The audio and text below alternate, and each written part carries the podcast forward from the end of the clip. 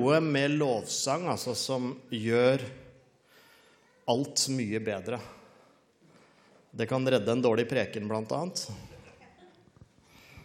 Eh, men det er, eh, det er, noe med det å hjelpe oss med det. Er du klar for, en, eh, for, for litt Guds ord? Jeg holdt på å si for en god preken, men det skal jeg vente med å si. Jeg er veldig takknemlig for å, for å være her. Veldig takknemlig for å være i Klippen. Dere vet at dere er spesielle, altså på en god måte. Veldig viktig å legge på den siste setningen der. Eh, men, men, eh, jeg er veldig takknemlig for å få invitasjon til å preke igjen. Du vet, det er, eh, det er en ære å få lov til å dele Guds ord. Og jeg har lovt i mitt hjerte at jeg skal gripe enhver anledning jeg får til å dele om det aller største som er i mitt liv, nemlig Jesu Kristi nåde for meg og for deg. Og Eh, det har grepet meg på en sånn måte at jeg egentlig ikke har ord til å beskrive hvor, eh, hvor stort det er for meg å få lov til å være bare Guds barn. Få lov til å ha det forholdet til eh, min pappa som du leste opp at George hadde. Det er fantastisk bra. det er utrolig sterkt. Og det å få lov til å eh, komme og dele Guds ord, det sier jeg aldri nei til når jeg blir spurt om, hvis ikke kona sier nei. Da sier jeg nei. Så jeg har liksom eh, Jeg har lovt eh, Gud at jeg skal, jeg skal eh, gjøre det hver gang jeg blir spurt, eh, men da må han overbevise kona. Og det går som regel bra. Så er det sånn at Noen ganger så får man to invitasjoner i én. Du får den første og den siste. Uh, og jeg er veldig glad for at jeg uh, har fått lov til å komme tilbake. Uh, sånn at jeg ikke bare hadde én invitasjon, men at jeg fikk lov til å komme tilbake. Det er alltid et godt tegn, syns iallfall jeg. og Derfor så blir man også ekstra ydmyk når man får komme tilbake. Og så har det skjedd utrolig mye rart i verden, og mye vanskelig i verden siden sist jeg var her, tror jeg. F.eks. at et land gikk til angrep på et naboland. Eh, og Jeg har lyst til å ære dere i Klippen. For ikke bare er dere en del av et fantastisk rikt menighetsfellesskap på Vea, der menigheter står sammen på en helt spesiell måte. Eh, eh, og ikke bare får dere lov til å bety en forskjell lokalt i bygda Vea, men tenk at deres trofasthet i bygda Vea har også løfta dere opp til å kunne få lov til å bety en forskjell for mennesker i andre eh, deler av verden.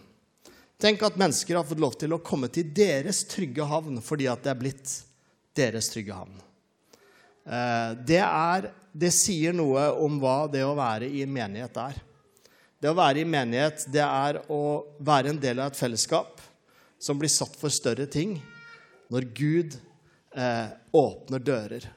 Og forhåpentligvis, tenker jeg, så vil de menneskene som har fått lov til å komme til dere og ha en trygg havn her, få lov til å reise tilbake til sitt land når det er fritt, men få lov til også å ha en berikelse i sitt hjerte av at det fins mennesker rundt omkring i verden som ser oss, og som er Guds sendebud til vår verden. Og tenk hvilken rekkefølge eller rekkevidde det kan ha.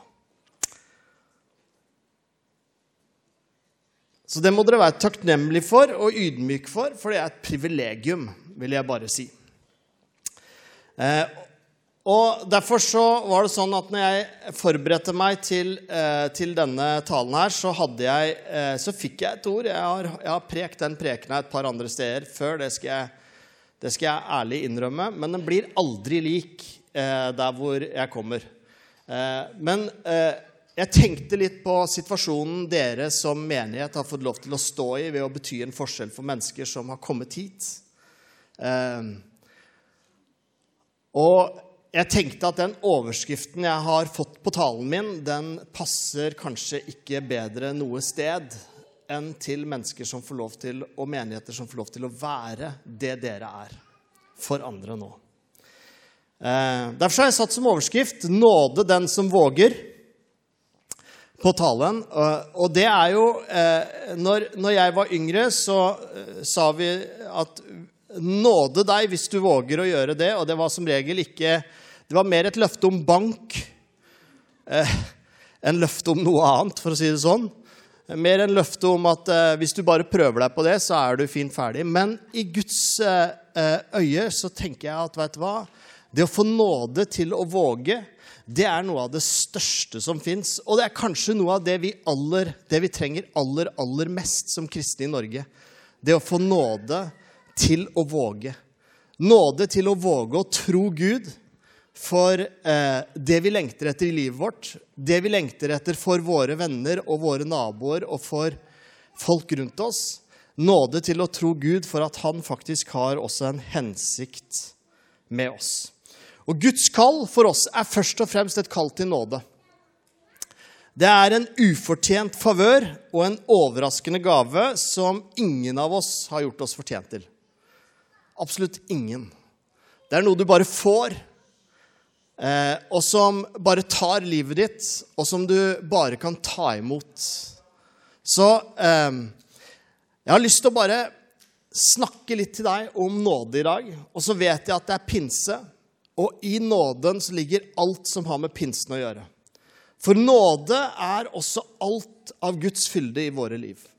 Nåde er Den hellige ånd som flyttet inn i oss og tok bolig i ditt hjerte for at du skulle kunne få lov til å bli kjent med Jesus. Nåde er hans nådegaver som han gir deg, ikke fordi at du er spesielt, ut, eh, spesielt eh, utpekt, men fordi at han rett og slett ønsker å gi deg gaver til ditt liv, så du kan få lov til å bety en forskjell for andre mennesker. Og nåde er også, som jeg sa, et veldig spørsmål om å våge. Våger du å tro Gud for nåde? Våger vi å ta imot det som Han ønsker å gi oss? Våger vi å gi videre oppmuntringer til naboen eller til arbeidskollegaen eller til klassekameraten? Våger vi å si at 'vet du hva, jeg har fått et ord til deg'? Og Jeg vet ikke om det er et kunnskapsord, men men det er noe jeg har blitt påminnet om. Og så gi det til noen. Våger vi å gi et ord bare av kjærlighet? Våger vi å handle på en påminnelse i hverdagen? Nåde den som våger. Joakim Lundqvist han, er, eller han var iallfall pastor i Livets Ord. Eh, og han sa noe som alltid har vært med meg eh, siden jeg hørte den preken. Noen ting bare flytter ned i hjertet ditt, og så tenker du ja, det er sånn det er.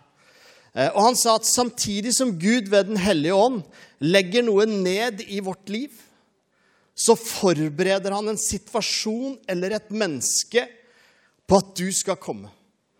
Samtidig som du får noe i ditt hjerte, så forberedes en situasjon på at du skal komme og bety en forskjell. Og det er sånn at Uansett hvor du er hen i livet, så kan jeg love deg én ting. Alt du trenger, har Gud lagt ned i ditt hjerte. Alt du trenger for enhver dag, har Gud lagt ned i ditt hjerte. Uansett hvordan hverdagen din er eller blir, eller hvilke endringer eller situasjoner du møter på, Gud har lagt alt du trenger, ned i ditt hjerte. Og Det er en trøst også til de som må rømme fra det de har, som det mest kjære.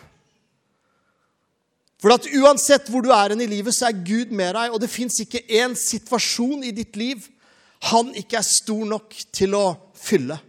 Stor nok til å være en del av.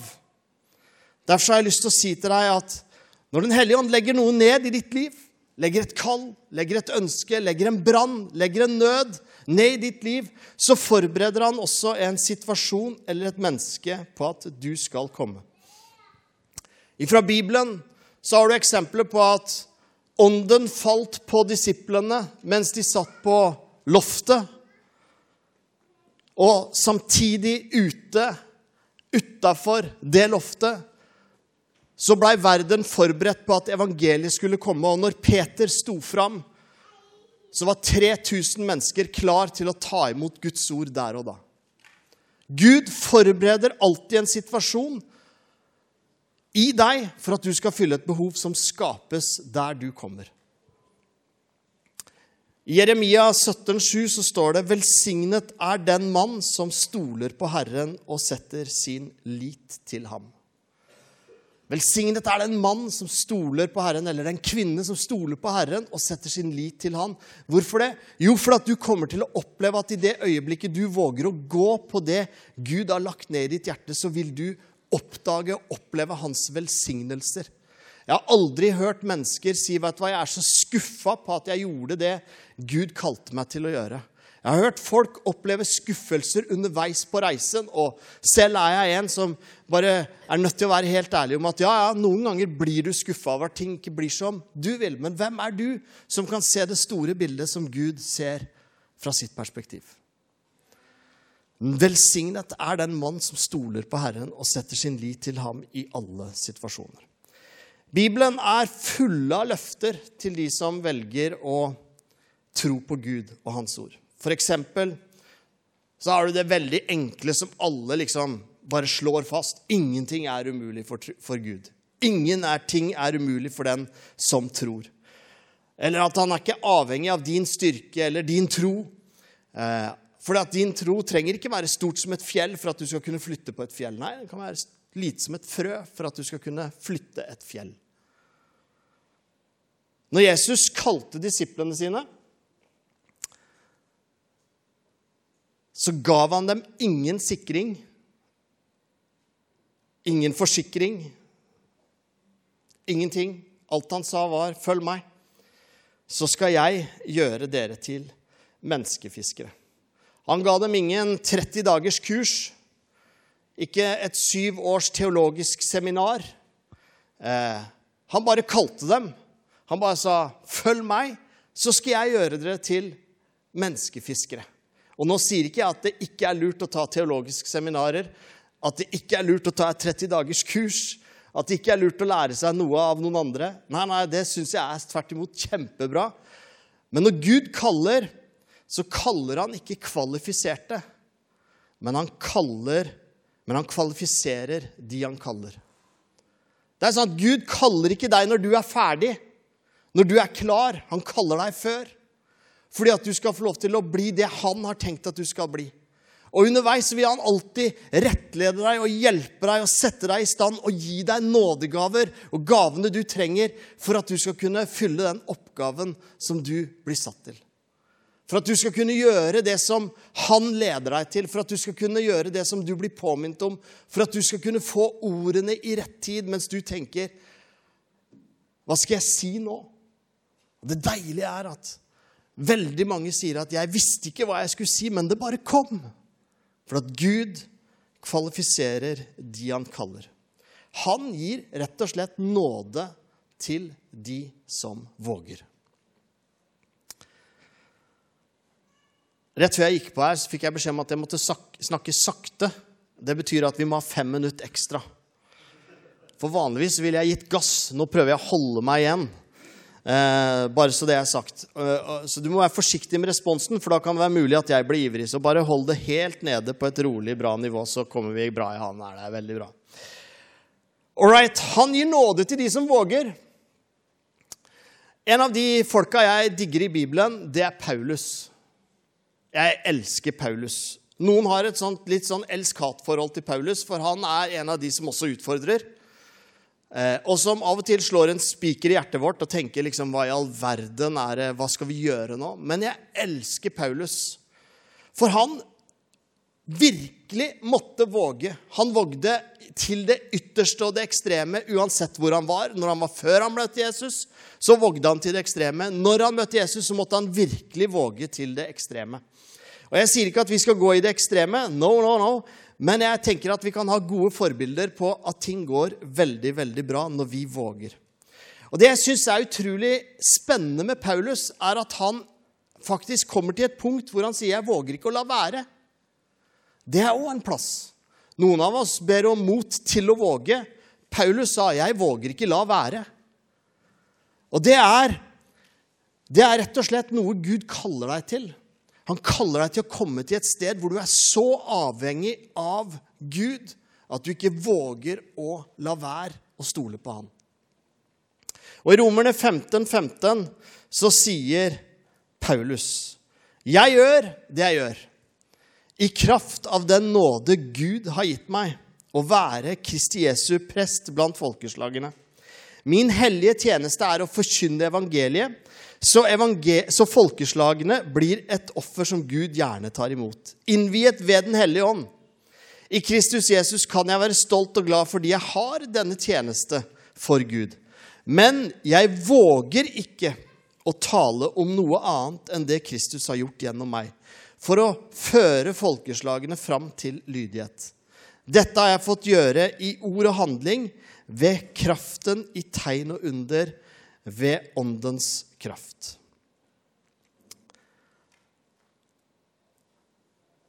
Jeg skal ta et første punkt på deg. Om du som nå tenker 'kommer punktene nå', det var seint.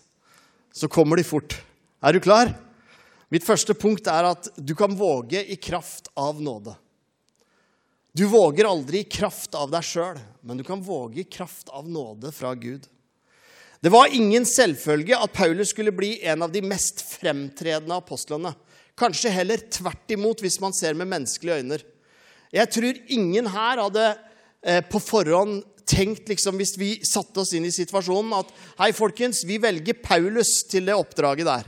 Nei, vi hadde tenkt for alt i verden, ikke han. Alle andre, men ikke han.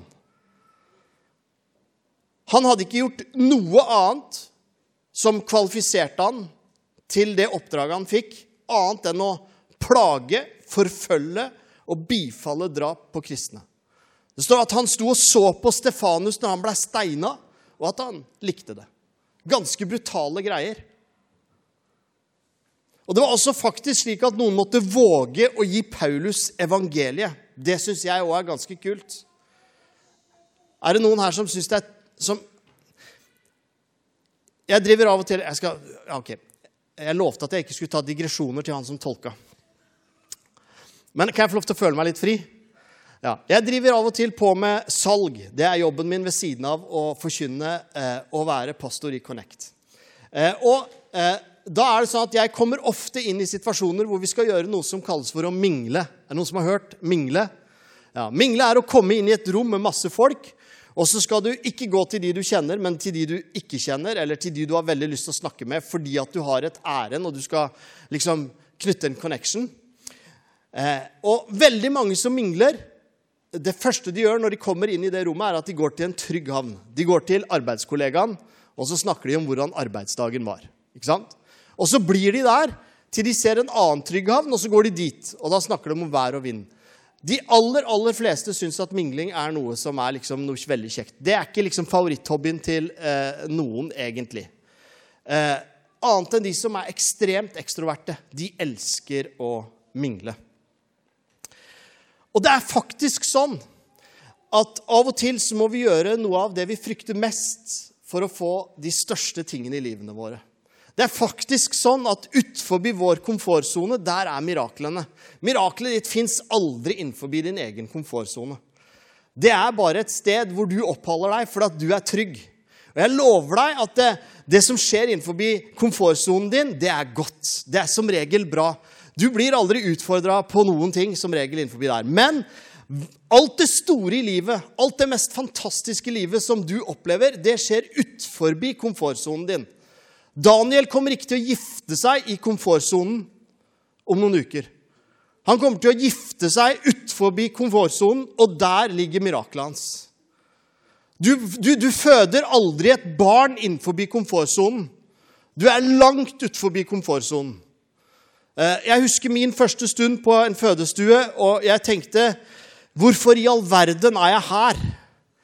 Eh, og det var bare min egen feil at jeg var der.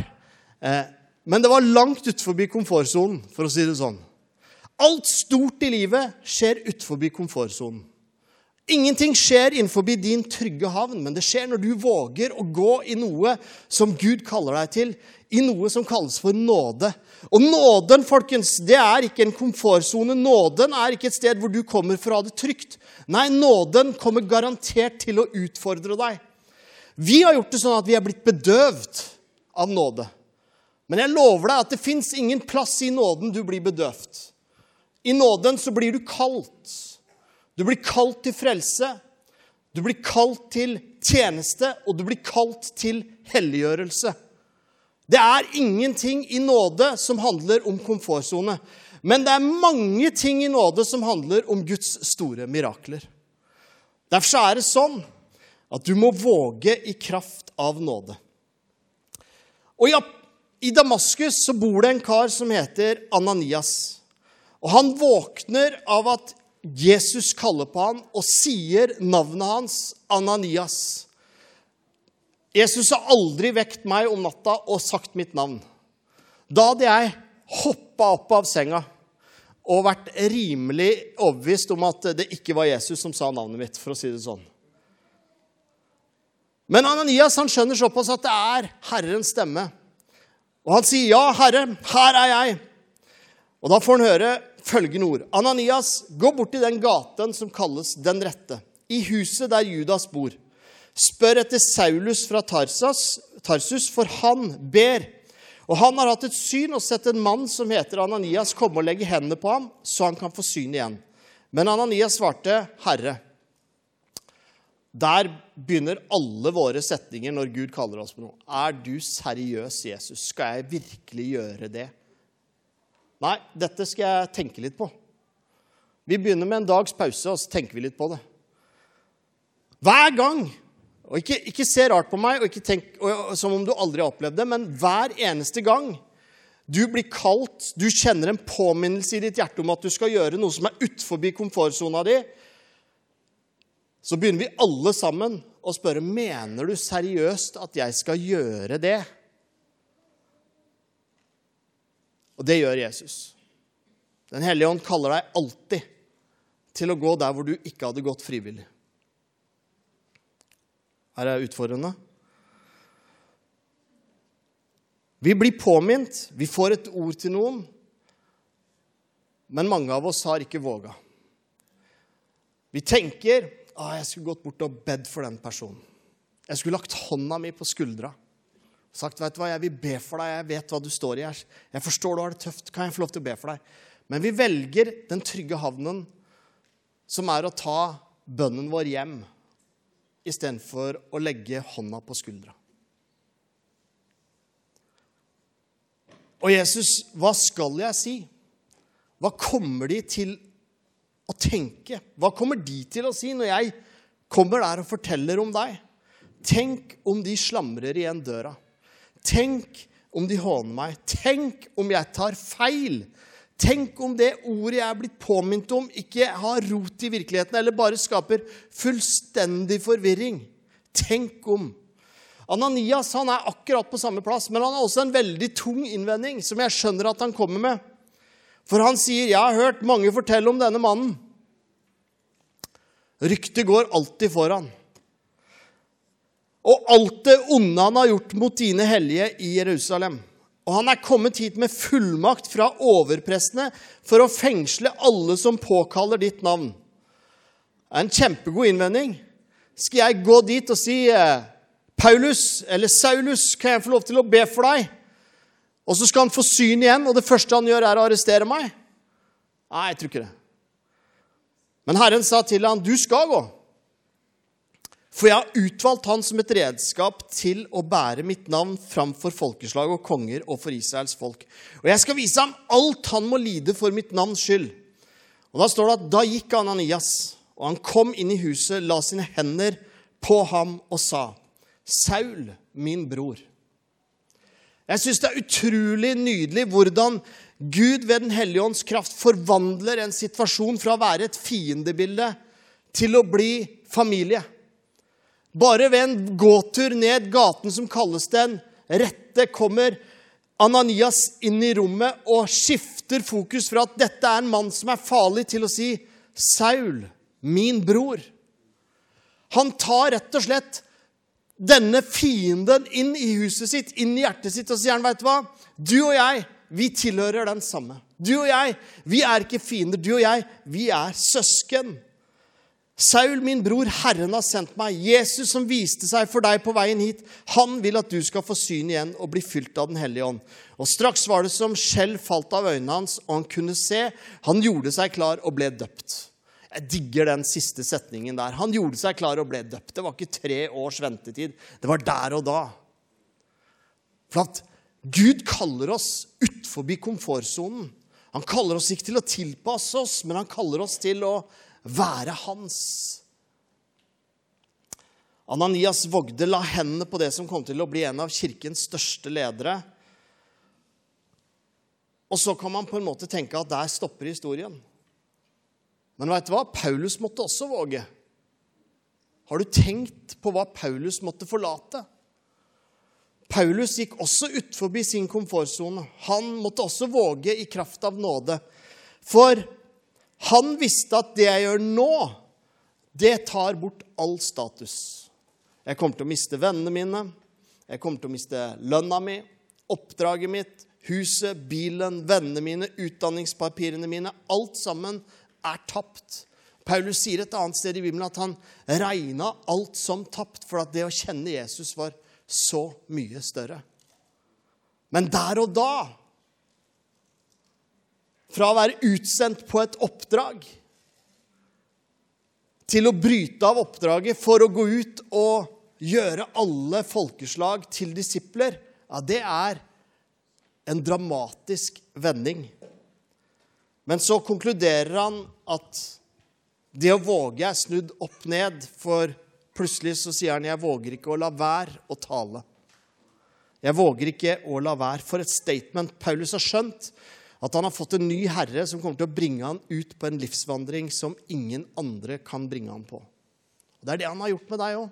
Jesus har tatt deg med ut på en ny livsvandring som ingen andre kan bringe deg på. Du kan ikke finne veien med Jesus alene. Du finner veien med Jesus med Jesus. Du kan ikke finne veien med Jesus fordi at noen andre forteller deg hvor du skal gå. Jo, de kan fortelle deg hvem Jesus er, men du kan aldri la Jesus være relasjonen du lever på, gjennom noen andre eller det andre sier. Jesus vil alltid være den som leder deg på din vei. Det vil alltid være han som kaller. Det vil alltid være en hellig ånd som stadfester. Det vil alltid være han som sender. Og Det tar meg til mitt neste punkt, og det er nåde den som våger når Jesus kaller.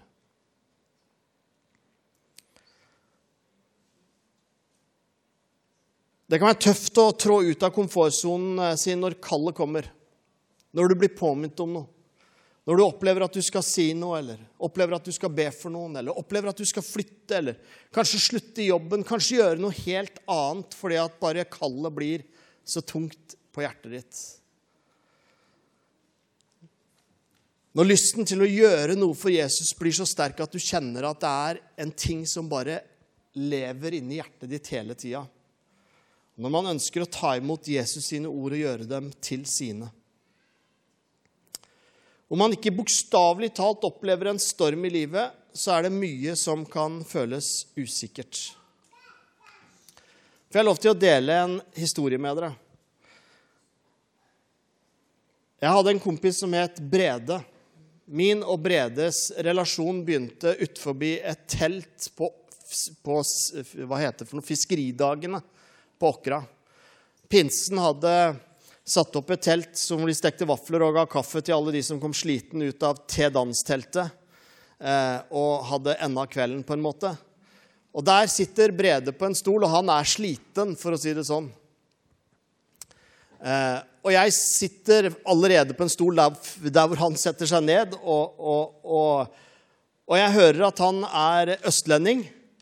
Og østlendinger finner hverandre på Vestlandet, det kan jeg love deg. Eh, det er en trygg havn. og,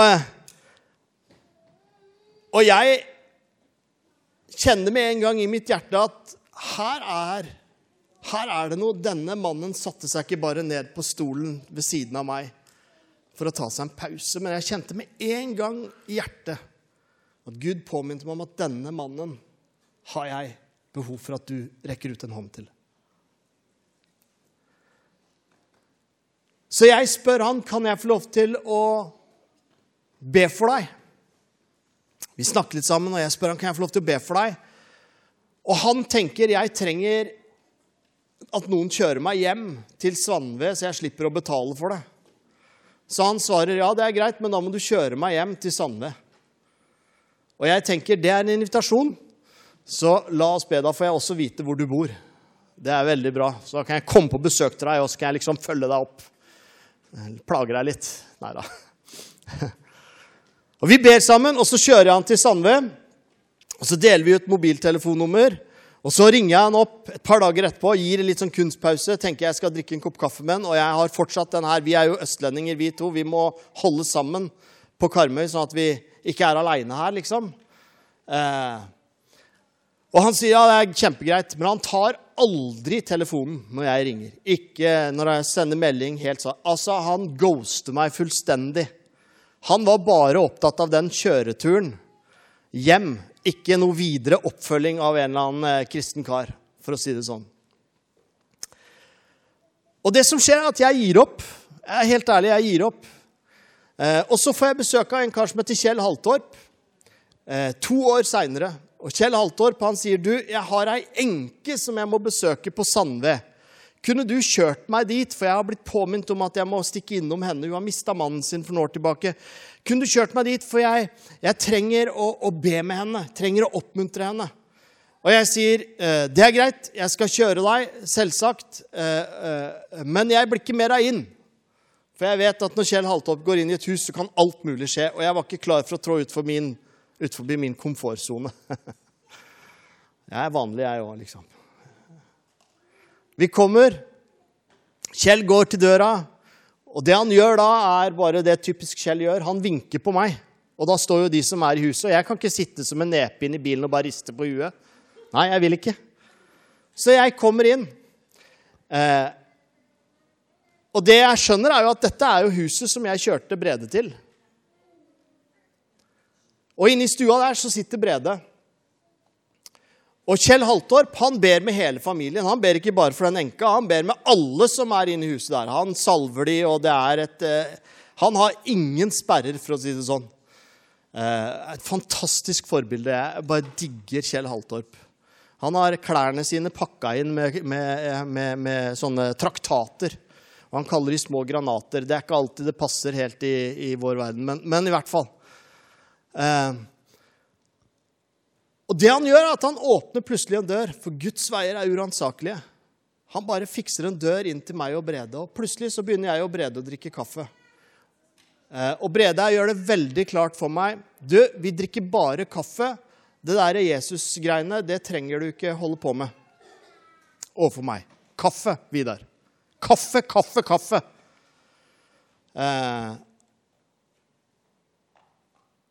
Og vi får et veldig nært vennskap. Jeg blir veldig glad i Brede. Brede er en sånn person som har slått en spiker inn i hjertet mitt og hengt opp et bilde av seg sjøl på hjerteveggen. Og vi deler utrolig mange fine ting. Og har, ja, ble en kjempegod kompis. To år seinere så får Brede kreft. Han får aggressiv eh, blodkreft, leukemi. Eh, ringer meg og sier 'Vidar, jeg er på sykehus', eh, og det er ikke bra. Og Jeg kommer opp på Haugesund sykehus, og vi snakker sammen. Og så sier jeg til Brede 'Brede, jeg kan ikke drikke kaffe med deg nå. Jeg må få be for deg.' Jeg bryr meg om deg, så jeg må få be for deg. Kan jeg få lov til det for min egen skyld, bare? Så sier han ja, det er greit, du kan få lov til å be. Og jeg ber, og sammen så sier vi amen. Og Brede drar på en kjempelang reise med heavy behandling. Og jeg spør han ved et par anledninger under den behandlingen Du, Brede, skal vi be til frelse? Så sier han nei, Vidar. Det er ikke vits. Det trenger du ikke. Jeg har gitt deg lov til å be, men det er din bønn. Og jeg og Brede, vi tar den reisen sammen. Og for meg så er det bare sånn Jeg tenker liksom Kjære Gud, hvorfor i all verden skal du gjøre dette med et menneske? Hvorfor skal de gå gjennom sånne lidelser? Hvorfor skal, hvorfor skal mennesker ha det så vondt? Og så klarer Brede seg gjennom behandlingen. Og da ringer han meg. 'Vidar, du må komme en tur på kaffe.' Og jeg sier, 'Hvor er du hen?' 'Jeg er kommet hjem til Sande. Kommet hjem fra Bergen. Jeg er på Sande. Jeg har gode nyheter til deg.' Og jeg kommer, og han forteller meg at eh, de har fått tatt vekk altså de, har, de finner ikke flere kreftceller av, eh, i, i blodårene hans, og nivåene er gode. Så nå er det bare å holde seg frisk i tre år, og så var han ferdig med det. Og så sier han, 'Vidar, du, jeg har tenkt på en sak. Kan du be til frelse med meg?' Og hjertet mitt, det brast. Og så sier jeg, 'Hvorfor nå?' Så sier han, 'Vidar, du aner ikke hvor feigt det er å komme og be om hjelp når du aldri har brydd deg før.' Så jeg, jeg bestemte meg for at hvis jeg blir frisk, da skal jeg la Vidar be til frelse sammen med meg. For jeg har ikke lyst til å komme til Gud som en feiging og spørre om hjelp når jeg liksom tenker at livet er i ferd med å ende. Men nå, sier han, nå er jeg klar. Og vi ber til frelse. Og Brede, han, han, han er bare en utrolig frimodig fyr. Kommer på møter med ansiktsmaske, for han er ikke helt sikker på Altså den behandlingen som han er igjennom og var igjennom, den hadde gjort noe med, med hva heter det for noe, immunitet Nei, immunforsvaret. tenker jeg. Jeg er ikke lege. Eh, jeg er bare en selger. Vi kan ikke sånne vanskelige ord. Eh, og så eh, Og så opplever jeg at Brede på sykehuset forteller om troen sin til sykepleiere og pasienter og, og alt mulig. Og, og er veldig frimodig. Og Så går det to år til, så, eller et år til, eller noe sånt, og så ringer han til meg og så sier han, Vidar, jeg er ute og går på sand, Sandane. Du må komme, jeg må ta en prat med deg. Og jeg kommer ut på Sandane, og så sier han jeg har fått tilbakeslag. Vidar. Kreften er der for fullt igjen. Og nå er det ikke noen vei utenom. Og jeg tenker åh, det han nå skal si, det er selvsagt at denne troa di den kan du bare ta og stikke av med, for den funker jo ikke. Du ser jo det, nå er jeg sjuk igjen. Jeg forbereder hjertet mitt på at nå kommer han til å kaste alt som jeg har hatt for han, på sjøen. Men så sier han til meg, men Vidar, det er en stor forskjell nå. Jeg er ikke aleine. Jeg har Jesus med meg. Og uansett hva som skjer, så kommer han til å være der. Det gikk ikke bra med Brede. Det vil si, han kom hjem så for evigheten så er det fest. For evigheten så er det fantastisk. Men han etterlot seg denne verden med et lys som jeg vil bare fortelle om, fordi at det handler om å nåde, om å våge når Gud kaller deg. Og Gud kalte en kar som Brede fra der hvor han var, til å bety en stor forskjell. Og Da har jeg lyst til å dele med deg hva som skjedde. Når Brede var gjennom sin andre sånn ryggmargstransplantasjon, så var vi en gjeng som ba for en bønneklut på Saron. Den tok Brede med seg overalt hvor han reiste. Han la den på alle plassene som han hadde vondt. Og Jeg og Einar vi var eh, og besøkte han, en annen kompis av meg, vi var og besøkte han på sykehuset i Bergen. Og så hadde han den med seg og sa han, den går jeg ikke et sted uten, sa for den er mye bedre enn all den Paraceten de prøver å pakke på meg her. For når jeg legger den på et sted hvor jeg har vondt, ja, da forsvinner smerten. Og jeg tenkte, I mitt, mitt sinn så tenkte jeg Gud, kan ikke du bare helbrede han? Hvorfor skal du drive på med smertelindring?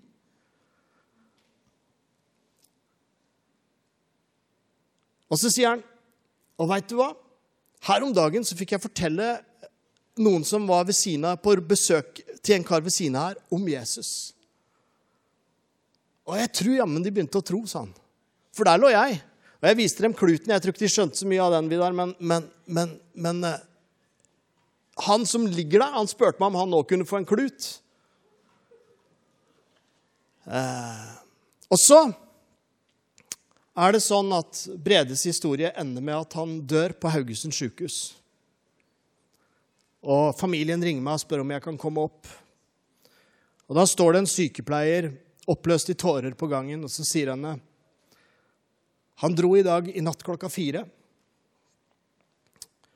Men jeg var inne hos han før vaktskiftet. Og da var det akkurat som det var en himmelsk atmosfære inne på rommet. Og jeg sa til Brede at jøss, her, her, var det spesielt. Her var det sterkt. Og så sier han det er fordi at Jesus sitter i den stolen. Så pekte han på stolen. Og når jeg kom inn seinere klokka fire for å, for å bare se åssen det sto til med han, så lå han med hendene folda og den kluten i hendene og hadde pusta ut. Jeg fikk lov til å begrave Brede. Reiste til Indre Aurskog-Høland. Og det er en skau på grensen til Sverige. Og kirka var full av Bredes kamerater, og veldig få av dem var kristen. Men Brede hadde sagt til kona si at 'jeg vil at du skal la Vidar tale i begravelsen'. Og jeg talte i begravelsen. Og jeg endte begravelsen med å gjøre det som jeg gjorde med Brede, invitere til frelsesbønn. Og når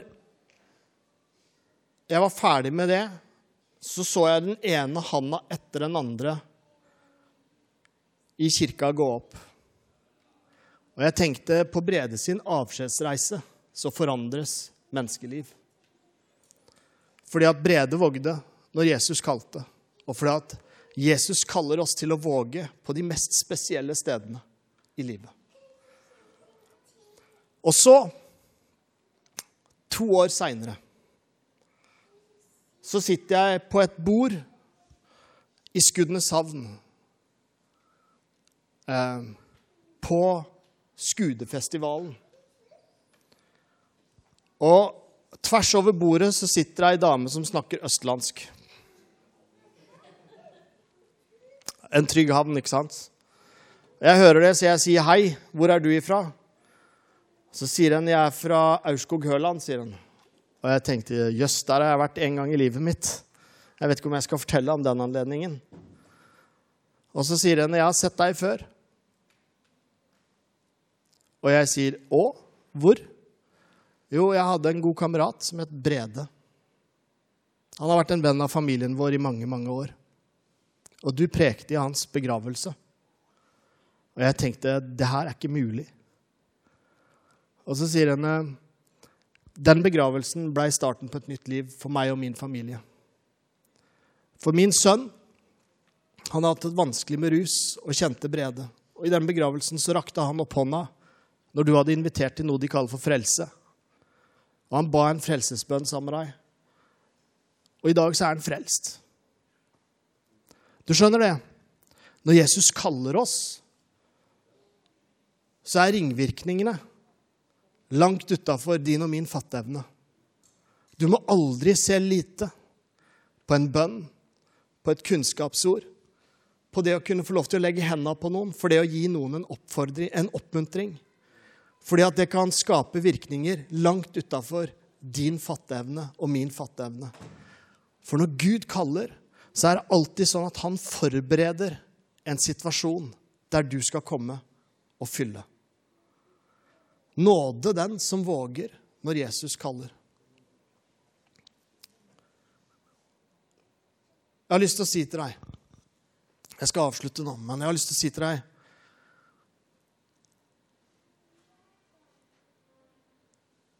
Når de satt på, på, på, loftet, disse disiplene, så satt de der og var livredde.